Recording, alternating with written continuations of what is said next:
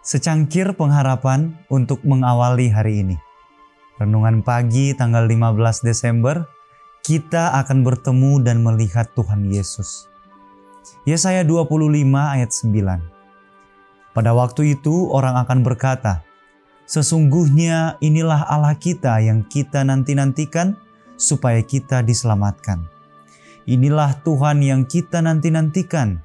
Marilah kita bersorak-sorak dan bersuka cita oleh karena keselamatan yang diadakannya. Yesus akan datang tetapi tidak seperti yang pertama kali sebagai bayi di Bethlehem. Tidak seperti ia mengandari keledai masuk Yerusalem ketika murid-murid memuji Allah dengan suara yang nyaring dan berteriak Hosana tetapi dalam kemuliaan Bapa dan diiringi oleh segala malaikat yang kudus yang menyertainya dalam perjalanannya ke bumi.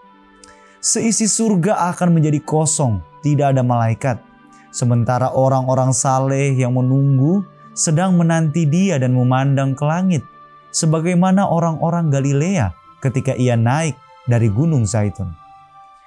Maka hanyalah mereka yang kudus mereka yang telah mengikuti dengan sepenuhnya akan teladan yang lemah lembut itu, yang akan bersorak bahagia ketika mereka memandang Dia.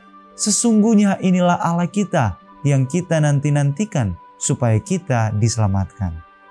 Maka mereka akan diubahkan dalam sesaat, dalam sekejap mata, pada sangkakala terakhir, sangkakala itu yang akan membangunkan orang-orang saleh yang sedang tidur dan memanggil mereka keluar dari tempat tidur debu mereka, dikenakan pakaian kemuliaan yang tidak akan binasa, dan berseru, "Kemenangan, kemenangan atas maut dan kubur!" Orang-orang saleh yang diubahkan itu kemudian diangkat bersama-sama dengan malaikat-malaikat untuk bertemu dengan Tuhan di angkasa, tidak pernah lagi akan berpisah dari Dia yang mereka kasihi doa kita hari ini. Ya Tuhan, kami menantikan hari di mana Engkau datang untuk menjemput kami. Berilah kami hati yang penuh sukacita dan kesabaran dalam penantian akan kedatanganmu. Amin.